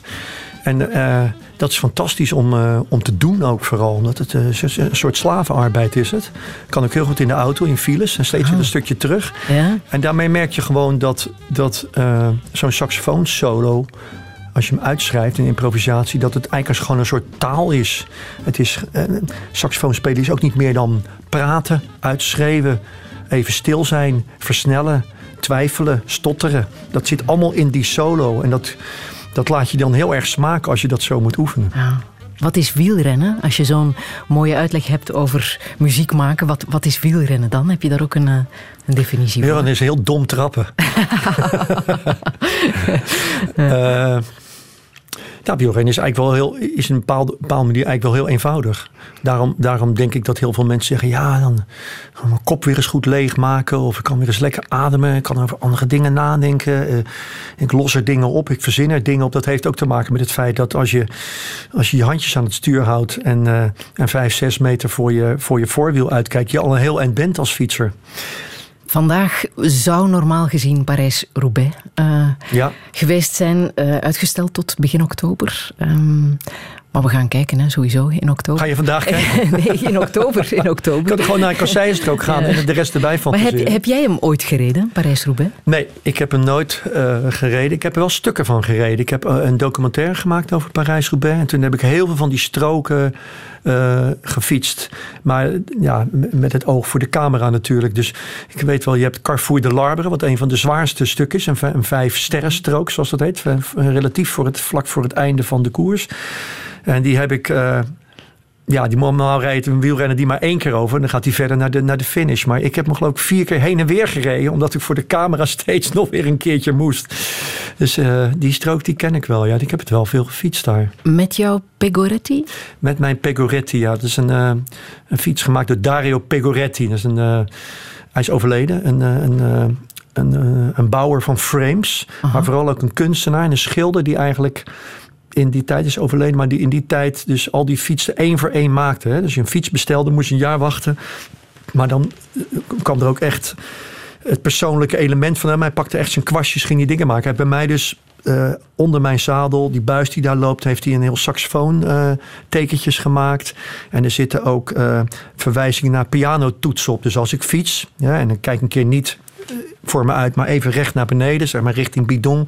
Dan kom ik op die buis uit en daar, daar, daar zie je dan allerlei zwarte, de zwarte toetsen van de piano, zie je daar aan draadjes, zie je daar rondvliegen. Dus een heel uh, hallucinerend gevoel tijdens het fietsen. Dus jij bent niet zo'n fietser die om de drie, vier jaar een nieuw frame koopt? Nee, nee ik ben inmiddels, ik, ik rijd dus op staal. En inmiddels zeg je, ja, staal, dat is echt heel ouderwets. Is het misschien ook.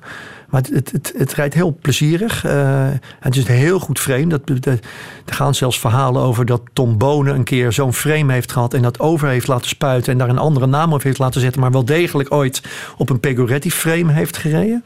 Op een Marcello. Uh, gewoon een professionele wedstrijd. Dat is wel een mooi verhaal. Ik weet niet of het waar is. Maar uh, ja, ik, ik, ik vind het eigenlijk wel jammer dat. dat kijk, vroeger, vroeger hè, in de tijd van uh, Koppie en Merks. sliepen mensen met een fiets. Hè. Merk, Merks die zat om de havenklap zijn zadel een millimeter omhoog of omlaag te doen. En dan reed hij weg en dan moest er weer een mechanicien langs komen. om toch nog weer een millimeter hoger te zetten. Dat waren vrienden vriendinnen, hoe je het noemen wilt, die, die, die, die stonden ook op de hotelkamer. Als je ogen opendeed, zag je, zag, zag je je gebittenbakje met je gebit erin en je fiets erachter. Zou ik maar zeggen. Herken je dat? Doe jij dat zelf Ja, ik heb dat vroeger gedaan. Ik heb vroeger in Stavelo gefietst met vrienden. En dan had je Omal ME, een beroemd uh, hotel daar in het centrum van de stad. Gingen we dan met z'n achter heen.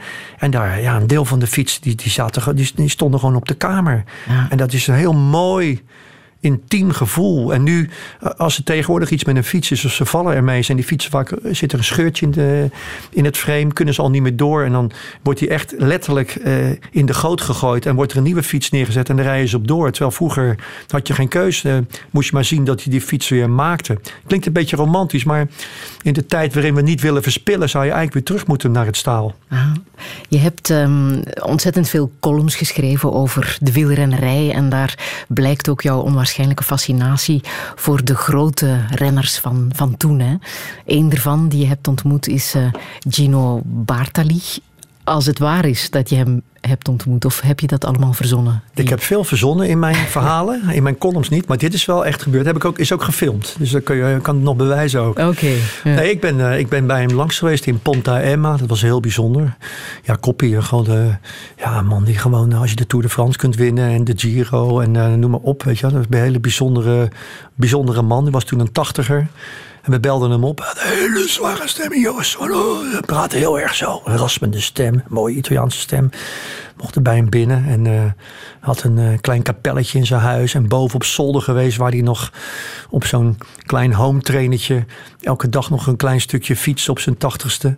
Hele bijzondere Dat las ik als, als een soort tristesse toch? Dat zo'n groot renner dan boven op zijn zolder op zijn home trainer. Ja, maar iedereen die op een home trainer zit. Ook, ook, ook uh, jongens en meiden van 24 is een beetje tristesse als je op een home trainer zit, ja. vind ik. Ik vind dat je buiten moet fietsen. Maar ja, ja hij was 80, dus uh, ja, vind je het tristesse? Ja, ja toch? Zeker voor zo'n groot. Uh, vind ja, ik, ik vind zo'n groot wielrenner. Ik vind het fantastisch dat iemand zijn benen laat draaien op zijn tachtigste. En dan ook nog weer fantaseert op zijn home trainer, waarbij het wijzertje niet verder gaat dan 13 kilometer of 40 ja. kilometer per uur. Dat hij toch weer denkt dat hij aan een afdaling van 100 kilometer het uur bezig is. Ja. Dat, is dat, is, dat is eigenlijk, dat schiet er eigenlijk superlatieve tekort ja. voor zo iemand. Maar wat wil je dan van zo iemand echt weten? Um, ja als mensen zo groot zijn zoals dit, dit soort mensen, hè, muzikanten hebben dat ook, is soms de ontmoeting alleen al genoeg. Hè? Het zien van iemand is soms genoeg. Er hoeft niet al te veel woorden bij. Ah, ik prijs me wel gelukkig. Ik had in die tijd had ik de massagetafel waar gesprekken met sporters. En dan kleden mensen zich uit en dan uh, kregen ze een, een, een, handdoekje als een soort schaamlap. En dan besprak ik hun lichaam. Hè? Ging het over lichaam en geest. En bij Gina Bartoli, die kleedde zich in ieder geval van boven ook uit. Toen bleek hij een pacemaker te hebben. Toen heb ik gewoon als een soort dam, damstuk, zal ik maar zeggen, zo'n ronde schijf, heb ik aan die pacemaker kunnen zitten die onder zijn huid zat. Die schoof ik zo een paar centimeter naar boven en naar links en naar rechts. Ja, dat is, dat, zijn, dat, is wel, dat is wel bijzonder. Dat, ik zal niet zeggen dat het vergelijkbaar is alsof je aan Jezus zijn gaat in zijn handen zit. Maar het scheelt niet veel. Ja, ja. Wanneer is een ontmoeting echt de moeite waard voor jou? Um, in, in, het werk? Algemeen? Hoeft zelfs niet eens uh, professioneel als, uh, te zijn. Als je gaat vliegen. Als je gaat vliegen, als, als, uh, als, als de, de tijd er niet meer toe doet. Als als, als de ballast van je afvalt en je samen kunt vliegen. Ja, in theater wordt dat vliegen wel eens gebruikt. Dus dan speel je 120 voorstellingen per jaar. En misschien dat er twee zijn dat je even vliegt. Heel even maar. Mhm. Dat je gewoon 5, 6, 7 centimeter boven de houten vloer bent. En denk, het gaat allemaal vanzelf. Ik denk niet na. Ik leef in het hier en nu. En het voelt goed. Als het ook ergens over gaat in die ontmoeting, dat het jullie beiden hoger optilt? Ja, ja. Uh, en dat is, dat, dat is soms ook niet meer, als het dan echt goed is, ook niet meer uit te leggen. Dan wordt het een soort gelukzalig gevoel. Mhm. Uh, het, ja, ik, ik denk dat het dan ligt in het begrijpen van elkaar. En dat kan op allerlei manieren kun je dat uitleggen. Dat kan betekenen dat je elkaar omhelst. Dat kan betekenen dat je, zoals nu, met elkaar praat. Dat kan ook een lange stilte zijn. Maar dat begrijpen, dat moment van begrijpen is wel, is wel hallucinant en wel bijzonder. Want het is eigenlijk meestal niet zo in interviews. Het is eigenlijk één... Ja, ik geloof heel erg in, in, in communiceren hoor, begrijp me goed. Maar het is toch eigenlijk één lang gevecht altijd om elkaar een beetje te begrijpen. Mhm. Dat is wat we hier, waarom we hier hinkend uh, over de wereld gaan. We begrijpen elkaar maar nauwelijks eigenlijk. En iedereen doet daar ontzettend veel moeite voor. Door te luisteren, door uh, lief te zijn voor elkaar, door elkaar te willen begrijpen. Maar het is wel een, uh, dat is wel een gevecht. Mhm. Maar de banaliteit van het leven, daar wil je ook nog wel over praten. Het koetjes en kalfjes, of, of probeer je dat zoveel mogelijk te vermijden? Nou, koetjes en kalfjes, dat. Koetjes en kalfjes is leuk om over koetjes en kalfjes te spreken, denk ik. Uh, als je weet dat het andere er ook is bij mensen. Als je mensen al goed kent, dan ja. Dan kun je gewoon, eh, als je in een auto zit, stil zijn en dan kun je zeggen: kijken, mooie bomen. Ja. Of kijk, er komt een regenbui aan. Ja, dat is misschien een koetje en een kalfje. Maar die, zijn, die worden dan heel veel waard omdat je iets bezonkens met elkaar hebt. Dat je elkaar al langer kent en niet zoveel hoeft te zeggen. En dat dan die, dat dan die diepganger is door niets te zeggen of alleen maar een boom te zien staan. Ja, dan wordt het poëzie. Ik ben er niet vies van.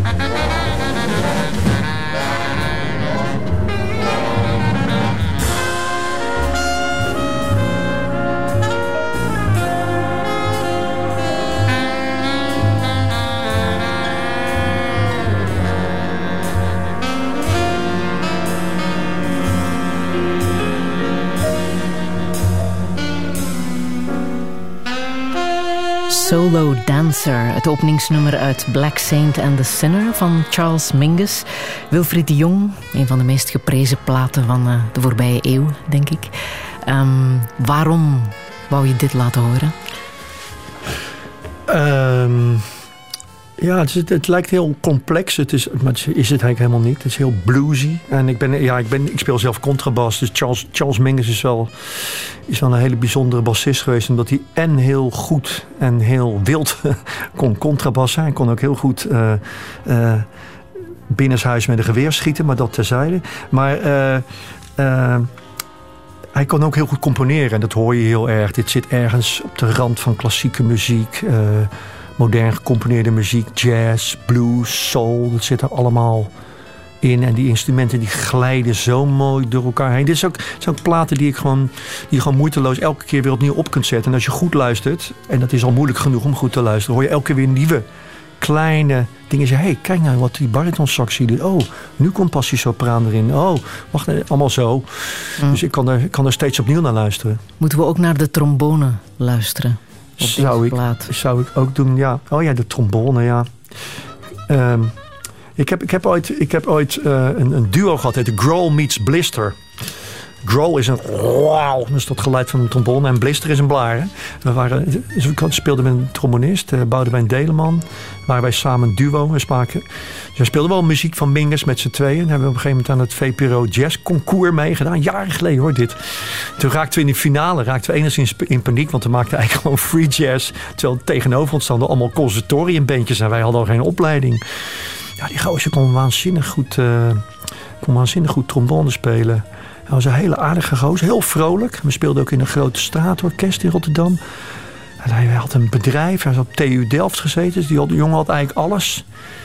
En toch pleegde hij zelfmoord. En dat was, was heel, uh, het was heel gek, want we speelden in een groot orkest. En toen hebben we, zal ik nooit, niet dit stuk, maar een stuk van Charlie Hayden. Silence heette dat stuk, voor een groot orkest. We hebben dat stuk gespeeld Terwijl hij altijd naast mij stond met zijn trombone, met een hele band eromheen. We dat stuk moeten spelen op zijn begrafenis voor zijn kist. Het was wel indrukwekkend om, uh, om te moeten spelen minus one, want hij was er niet bij. Dus dat was de lege plek. En dat stuk moeten spelen. Hoe kwam dat bij jou binnen, dat hij uit het leven is gestapt? Ja, het is lang geleden, ik weet het niet meer. Ik kon me niet voorstellen. Ik kon me gewoon je denkt, het is natuurlijk waanzin om te denken dat, dat, dat zelfmoord alleen maar uh, uh, voor zou komen bij mensen die ogenschijnlijk een zwaar leven leiden. Want optisch gezien had deze jongen alles mee, zou ik maar zeggen. Maar zo werkt het niet en zo zit het niet. Dus ik denk dat me dat wel de ogen opende. Heb jij wel eens last van donkere gedachten? Ja, nee, zonder donkere gedachten geen leven, toch? Dan is de dag uh, zo voorbij.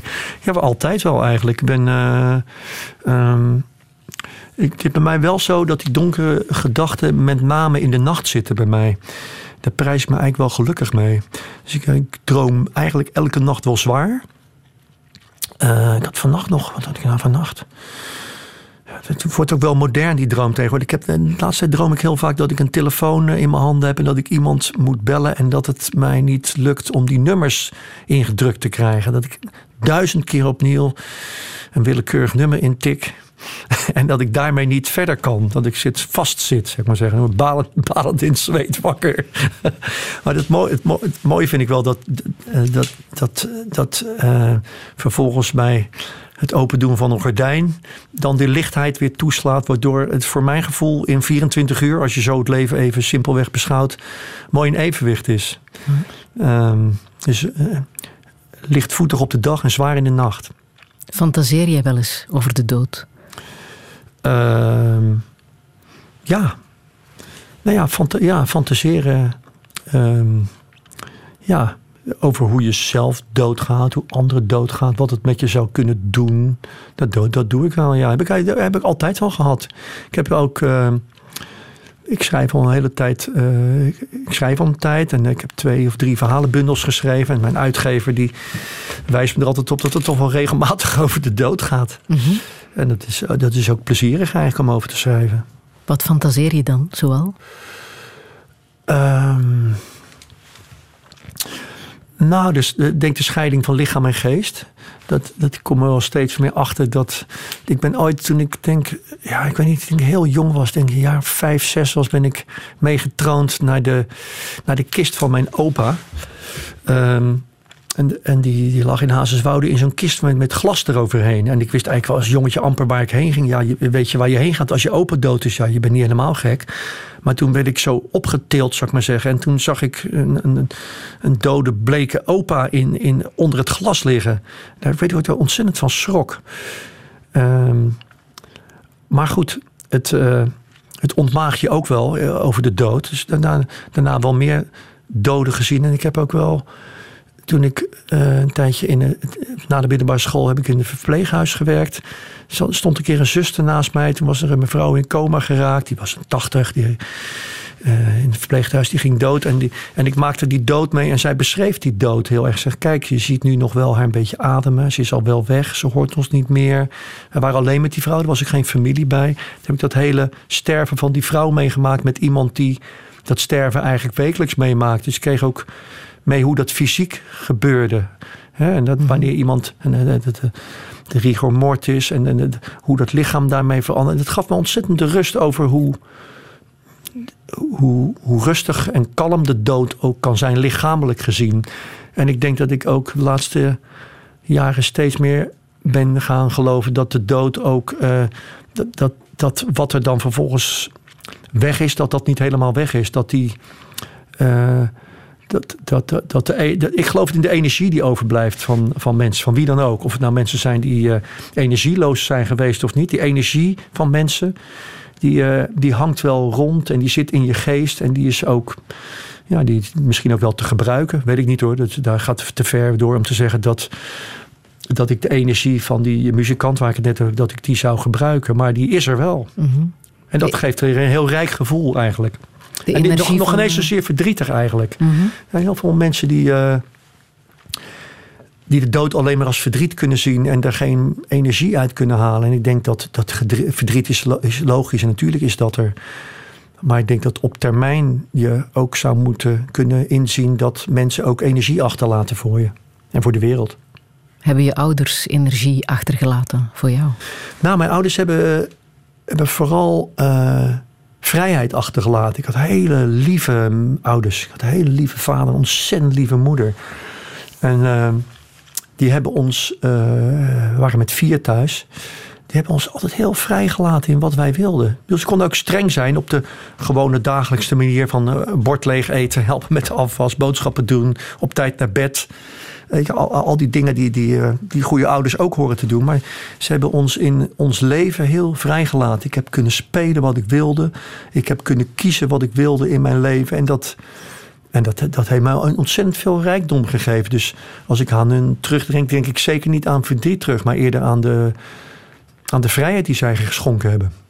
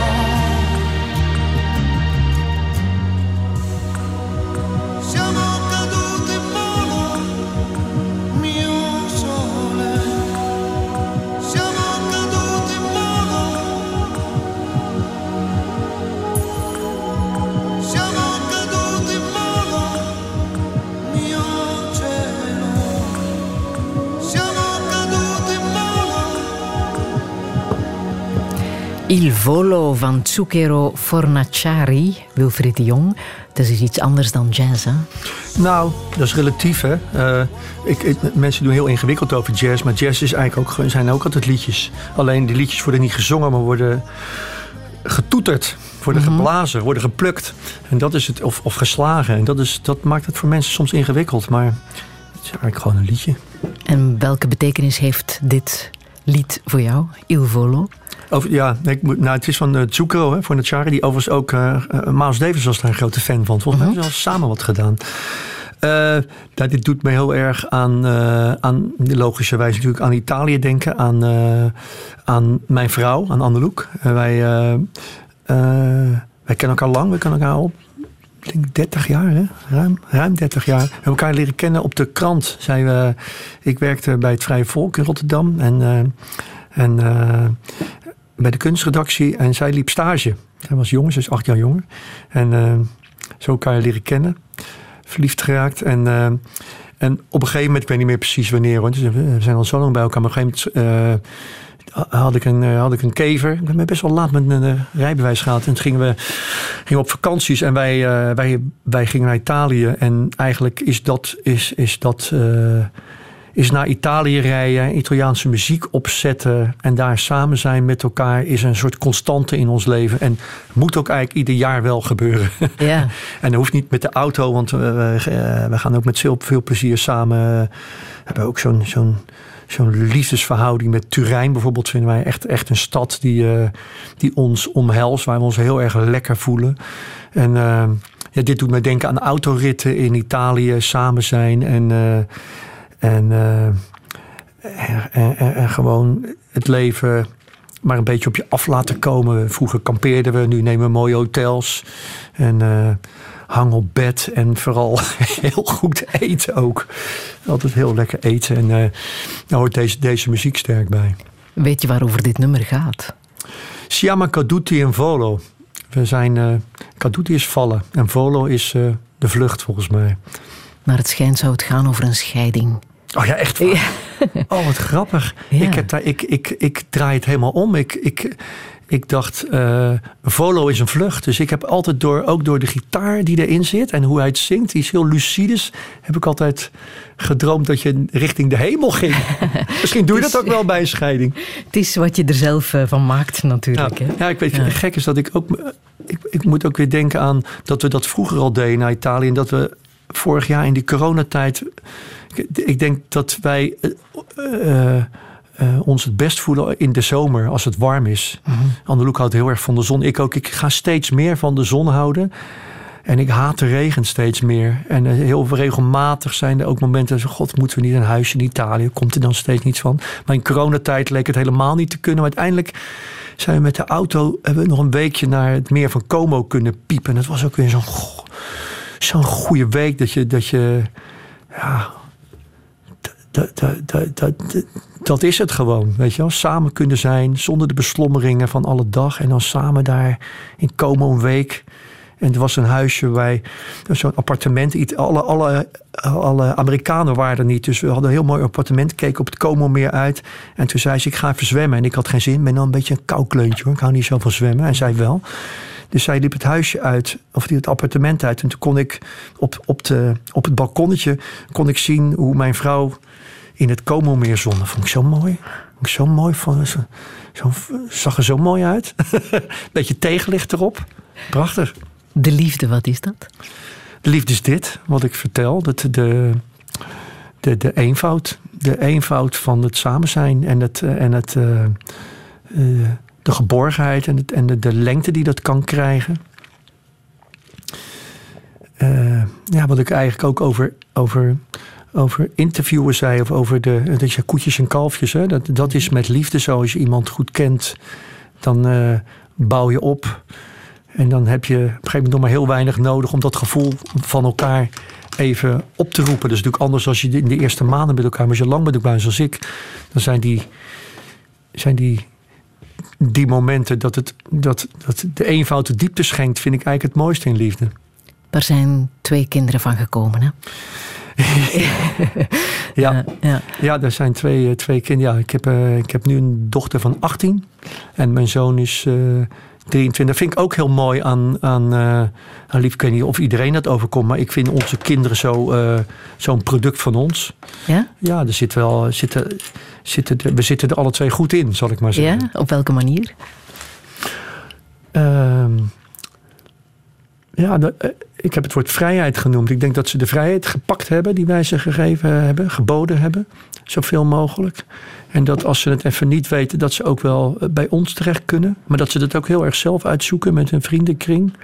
En dat ze nu, eh, nu hun, hun wegen aan het kiezen zijn, vind ik heel, heel mooi. Mijn dochter doet kunstacademie, ze heeft de Willem de Koning in, eh, in, in het eerste jaar. En mijn zoon heeft eerst drie, drie jaar nanobiologie gedaan in Delft. En eh, is nu eh, in het derde jaar aanbeland van geneeskunde. En is nu, as we speak, vandaag weer honderden prik aan het zetten voor corona. Dat doet, omdat hij dat erbij wil doen. dat is wel heel mooi allemaal.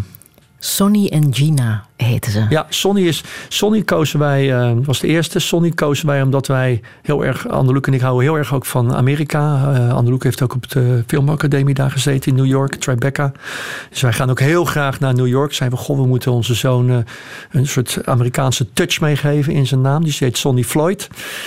En het Italiaanse is Gina, Gina La Buffa voluit. En La Buffa is- is eigenlijk, je hebt, je hebt de opera Buffa. Hè? Dus La Buffa is eigenlijk, betekent vrolijk. En dat is ook. dus dat klopt wel.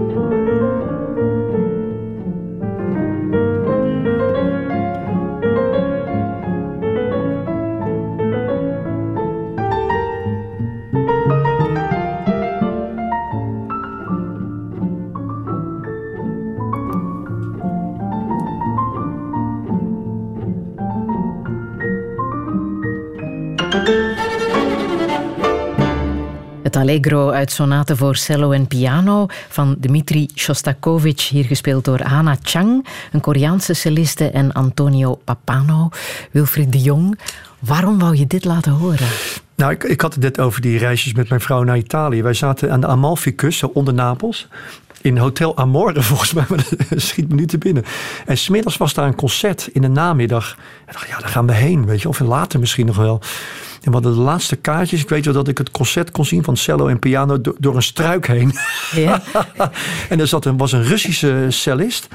En in het laatste stuk eh, van dit eh, optreden, van dit stuk wat we nu hoorden, werd dat zo wild. Dit was echt zo'n Rus met zo'n scheef gegroeide grijze baard en een beetje pluizig haar, zoals je zo'n klassieke cellist voorstelt. En die streek zo ongelooflijk hard op die cello dat in de laatste, laten we zeggen, vier, acht maten streek hij zijn lichtste snaar, die streek die kapot. Paats hoorde je keihard. En toen moest hij gewoon nog even door, weet je wel. Dus dat, dat, ja, dat was zo'n fenomenaal moment. Dat, dat, dat, dat je dan meemaakt gewoon eh, in de muziek. En dat dan, dat dan die snaar klapt op het eind. Dat, is, dat kon echt niet anders dan juichen, zou ik maar zeggen. Ja, ja, en dat is de meerwaarde ook. Hè? Als je als muzikant dan nog verder kan, met Ja. een snaar minder. Ja, ja dat, dat, dat lukt je niet lang, denk ik, in de Nee. klassieke muziek. Bij het gitaristen wel eens dat ze een, eh, een G-snaartje kapot slaan. Of een E-snaar- E-snaartje bedoel ik, zo'n lichte. Dan spelen ze nog wel even een akkoorden door. Maar bij dit is dat wel ingewikkeld, ding. Want je moet onmiddellijk naar nieuwe vingerzettingen. Ja. Het was wel een geweldig moment. Jij bent 63. Ja. Wat zou je echt nog willen in het leven? Goh. Ik weet dat die vraag me gesteld ging worden, maar ik heb, ik eerlijk gezegd niet zo'n idee. ik, eh, ik, ik, heb, ik heb mijn leven niet zo gepland. Bijvoorbeeld, ik wist, ik wist tot voor vorig jaar, november, december niet, dat ik met Rut Joos een, een, een, een boeken, boekenprogramma ging maken. Wist ik niet. Ehm, en dat komt dan op mijn pad. En zo, zo zijn er eigenlijk best wel veel dingen op mijn pad gekomen zonder dat ik zelf dwingend op zoek was. En ik denk, als ik, als ik me iets wens, is wel dat het, dat het kaarsje zo ook mag uitgaan. Of nog even een tijdje mag branden, ook goed. Mhm. Want 65 pensioen, ik denk niet dat dat in jouw agenda staat. Hè? Nee, maar ja, als het wel zo is, eh, heb ik daar ook vrede mee hoor. Als, als, als 65 betekent dat ik niet meer zou mogen werken, omdat er een of andere strenge regering komt dat dat verboden wordt bij de wet, dan ga ik dan niet werken. Zou je dat kunnen, echt? Ja, maar doen? is, werken staat voor mij niet. eh, eh, werken heeft voor mij niets te maken met per se met, met, met geld verdienen of tijdstippen. Ik heb, eh, bij mij loopt alles door elkaar. Mijn werk en privé loopt altijd door elkaar. Ik merk ook bij mijn kinderen dat. Dat ben ik heel blij met. Mijn zoon, die nu dus aan het corona prikken is. Voor de, voor de goede wereld, zeg maar. Die, die zegt ook van ja, iemand eh, zegt van ja, ja, moet je het weekend werken? Hij zegt ja, maar wat maakt dat nou eigenlijk uit? Die heeft bij ons ook niet anders gezien. Mijn vrouw maakt documentaires, die moet dan ook op zondag draaien. Ja. Dus de, werk en privé, als dat door elkaar kan blijven lopen, dan ja, is het fijnste eigenlijk. Ja. Mm, Als ik gok, zijn nu jouw grootste bezigheden boeken lezen natuurlijk. Ja. In combinatie met fietsen? Ehm, dat doe ik niet zo heel veel als mensen denken. Als mensen je Nee? een keer met een, met een fietsprogramma, met een sportprogramma hebben, zoals Holland Sport, kennen jullie misschien hier wel, Sportpaleis de Jong, denken mensen dat ik altijd fiets. Maar ik fiets bijna nooit. Maar moet je dan maar zeggen. Ik fiets twee, één of twee keer in de week. Normaal gesproken zondagochtend wil ik wel fietsen. Als het mooi weer is, ga ik nog een keer. Maar ik hoef niet elke dag. eh, en ik fiets ook niet lang. Ik vind anderhalf uur zat. En Dus- is dat voor de conditie? Dat is voor de conditie, eh, voor de ontspanning. Maar het is bij mij, het is niet. eh, je hebt, eh, je hebt Aart Vierhouten, een professioneel wielrenner. Die is gestopt inmiddels. En die is volgens mij nu ploegleider ergens bij een damesploeg. Maar die heeft ook een boek geschreven. En die zegt dat je ook af en toe als wielrenner vogels moet kijken. En dat is, vogels kijken betekent dat je maar maximaal 27 km per uur rijdt. En niet jezelf kapot fietst, maar 27 kilometer. En dan naar de vogels kijkt. Dat vind ik wel een hele goede les. Maar dat lesje krijg je nog niet makkelijk ingestampt. Dat lukt Ik niet. mis toch al eens een vogel. Ja, ja, ja. Ja. Ehm, hoe zou het mogen eindigen? voor jou? Ik hoop pas na je honderdste natuurlijk, hè? Oh, maar ik zit helemaal niet op 100 te wachten eigenlijk. Nee? Nee. Nee, ik heb... eh, ik vind 75 ook al heel mooi eigenlijk. Mhm. En best wel... eh Jules Deelder is, eh, is, is overleden op zijn 75. Mhm. Ik heb toevallig net een stuk over hem eh, gemaakt. Ook bekende Rotterdammer. Ja, nou ja, is iemand die heeft eh, met hart en ziel geleefd en er alles uitgehaald volgens mij in alle opzichten. Dan is 75 best een formidabele leeftijd. Ik vind dat, ja, mensen zeggen dan, god, is die wel jong gestorven? Oh man, ja. Heb je dan nog eens de Mont Ventoux niet gedaan? zo... Sorry? Heb je dan nog eens de Mont Ventoux beklommen? Nee, die ga ik zeker niet meer doen.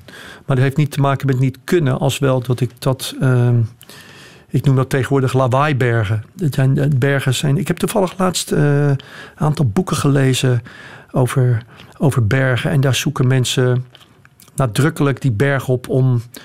En mijn voorstelling met Wim Opbroek, Jongvrouw, gaat eigenlijk ook over het beklimmen van een berg door twee mannen. Die mensen, mensen gaan eigenlijk op zoek naar rust, naar eenvoud, naar nadenken. Eh, en zelfs dat valt dan, valt dan weer tegen als je boven bent. Want dan ben je boven en dan ben je 4,3 kilometer dichter bij de hemel gekomen. Uiteindelijk heb je het koud en moet je toch weer naar beneden. Dus zo ideaal is dat plekje daar ook weer niet. Eh, maar die bergen, die bergen zoals de van Mont Ventoux en zo... dat zijn echt bergen waar daar veel te veel mensen naartoe gaan... en streberig worden in tijden en maar dingen jij hebt halen. het ook gedaan op je vijftigste. Ja, ik heb mijn vijftigste ook gedaan. Ja, omdat ik dacht, ik wil eens één keer zo'n berg beklimmen. En dat was ook mooi. Eh, maar als je, als je, als je kijkt eh, in dat boek wat ik las, de Himalaya. Hè, daar heb je misschien de foto's gezien vorig jaar. Daar, daar staan gewoon files hè, van mensen die, die moeten dat meemaken. Nou, ik denk van ja, misschien eh, is het interessanter geworden om eh, iets op de begaande grond mee te maken. Of wellicht in de kelder. Je mag nog een boodschap meegeven. Ook een moeilijke, denk ik, voor jou. Boodschap. Ja, ik, ik weet niet. Ik, ik, ik, zou, eh, ik zou voor zero zero mail gaan, Italiaans mail. Ja? En dat combineren met een ei. Mhm. En met een beetje semola erbij. En wat, eh, en, en, en wat eh, goede Siciliaanse olie, olijfolie. En dan zou ik dat een kwartier lang kneden. En dan zou ik daar eh, linguine van maken met eh cavolo nero. Dat zou mijn boodschap voor vandaag zijn. Maar ik vrees dat een aantal van die winkels dicht zijn. Kan jij dat? Dat kan ik, ja. Dat kan ik. Ja. Dat ken ik. Ja. En eh, draaien we daar een eh, Stevie Wondertje door? En Stevie Wondertje is wel, eh, is, is wel vrolijk. Vind ik echt een waanzinnige muzikant. Die altijd goede muziek maakt. En, eh, en dit nummer is ook zo'n vrolijk stemmend nummer van heel vroeger. Maar het zit zo goed in elkaar. En eh, maakt, het, maakt het leven tot een mooie dans. For once in my life.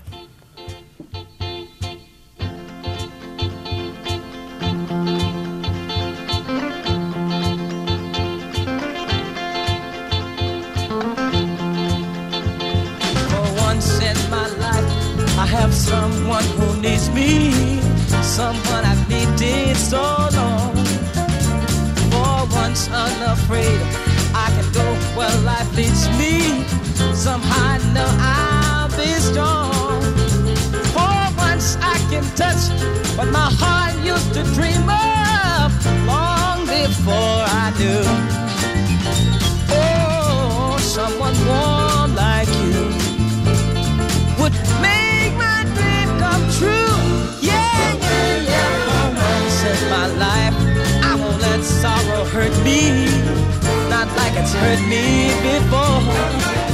For once, I have something I know won't desert me. I'm not alone anymore.